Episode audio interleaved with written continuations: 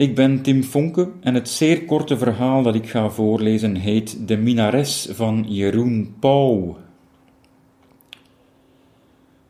Het licht springt op groen, maar de mensen blijven staan omdat ze iets belangrijks bekijken op hun telefoon. Een man stuurt een bericht naar zijn minares. Nu je me kent als een gebrekkige minaar en een klootzak die zijn vrouw bedriegt, wil je met me trouwen? Terwijl hij oversteekt, komt het antwoord. Ja. Daarna praten ze verder in codetaal. Waar ze anders liefde zeggen, zeggen ze nu longen. Op een vraag over haar longen voor hem antwoordt de minares: Maar nee, dat zijn twee gecastreerde bouviers, sire. Als ze hem sire begint te noemen, weet hij dat ze hem burgerlijk vindt.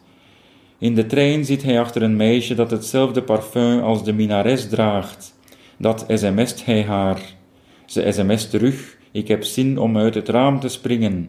Hij kent haar als een vrouw die doet waar ze zin in heeft. Hij antwoordt: Niet doen, het is niet hoog genoeg. Omdat het niet hoog genoeg is, breekt ze enkel een been. Wanneer ze hem later vraagt iets vies op haar gips te schrijven, noteert hij onder een pijltje naar haar kruis: In deze kut is Jeroen Pauw op het idee voor een eigen talkshow gekomen. De dag waarop het gips eraf mag, meent de minares tranen in de ogen van de doktersassistente te zien.